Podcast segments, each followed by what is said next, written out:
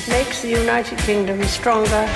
Today, my return to Soweto fills my heart with joy. Ladies and gentlemen, welcome to London Heathrow's Terminal 5.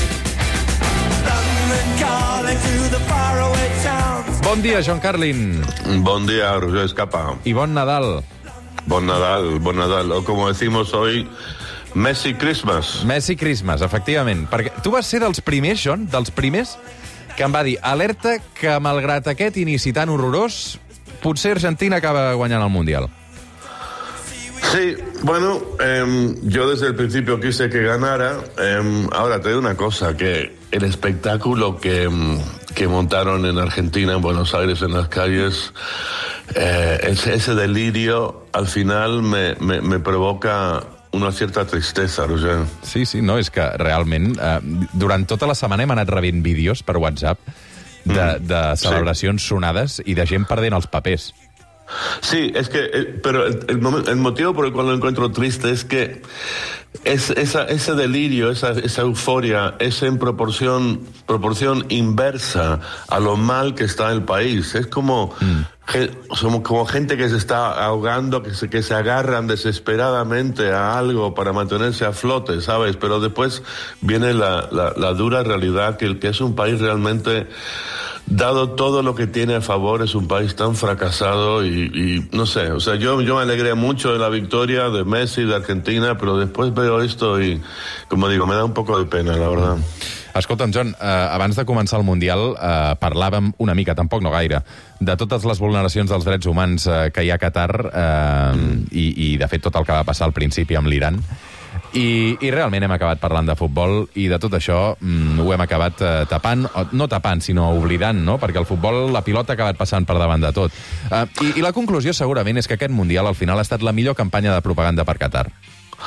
Yo no sé, Roger, si ha sido la mayor campaña de propaganda por Qatar, la verdad, el Qatar, em, porque no, es verdad que empieza el fútbol y hubo partidos tremendamente emocionantes y todos nos volcamos y nos enloquecemos y, y- esto era, creo, de esperar, pero si el objetivo de Qatar era lavar su imagen, esta, esta, esta frase en inglés nueva, sports washing, ¿no? Lavado de imagen a través de deportes, yo no creo que haya funcionado, porque a la larga eh, la gente va a recordar eh, el tema de, bueno, cómo trataron a estos trabajadores de la construcción, tantos muertos, eh, el tema de los gays, cómo tratan a las mujeres. De cierto modo, se puso también el enfoque sobre Qatar y, los valores de esa sociedad. Y bueno, por lo menos, claro, visto desde nuestro punto de vista occidental democrático, yo no creo que a la larga Qatar haya, salido ganando. Más que nada fue un gran ejercicio de vanidad para estos eh, mires súper ricos, em, pero, pero yo no creo que Qatar sale, sale, sale ganando en cuanto a imagen. I, i de fet, eh, derivades de tot plegat, eh, perquè hi ha aquest nom propi que és eh, Amir Nas Azadani, Sí.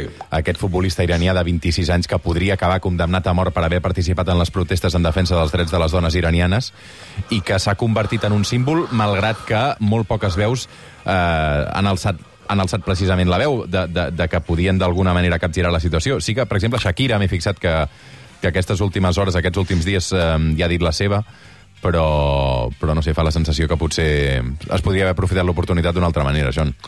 Sí, mira, yo creo que es, es importante que, que aquí, em, tú y yo, aquí en, en Cataluña Radio y en las radios y televisiones y periódicos del mundo, que se llame la a, a este futbolista que, que, mira, lo acusaron de haber participado en, un asesinato contra tres agentes que, pertenecían a un grupo armado, dicen, pero claro, eh, por un lado hay gente en, su ciudad que dice que él no estuvo ahí en el lugar de los, ocho, los hechos, mucha gente lo dice, y segundo, ya sabemos lo que es la práctica habitual de la tortura como método para extraer confesiones en, en, en Irán.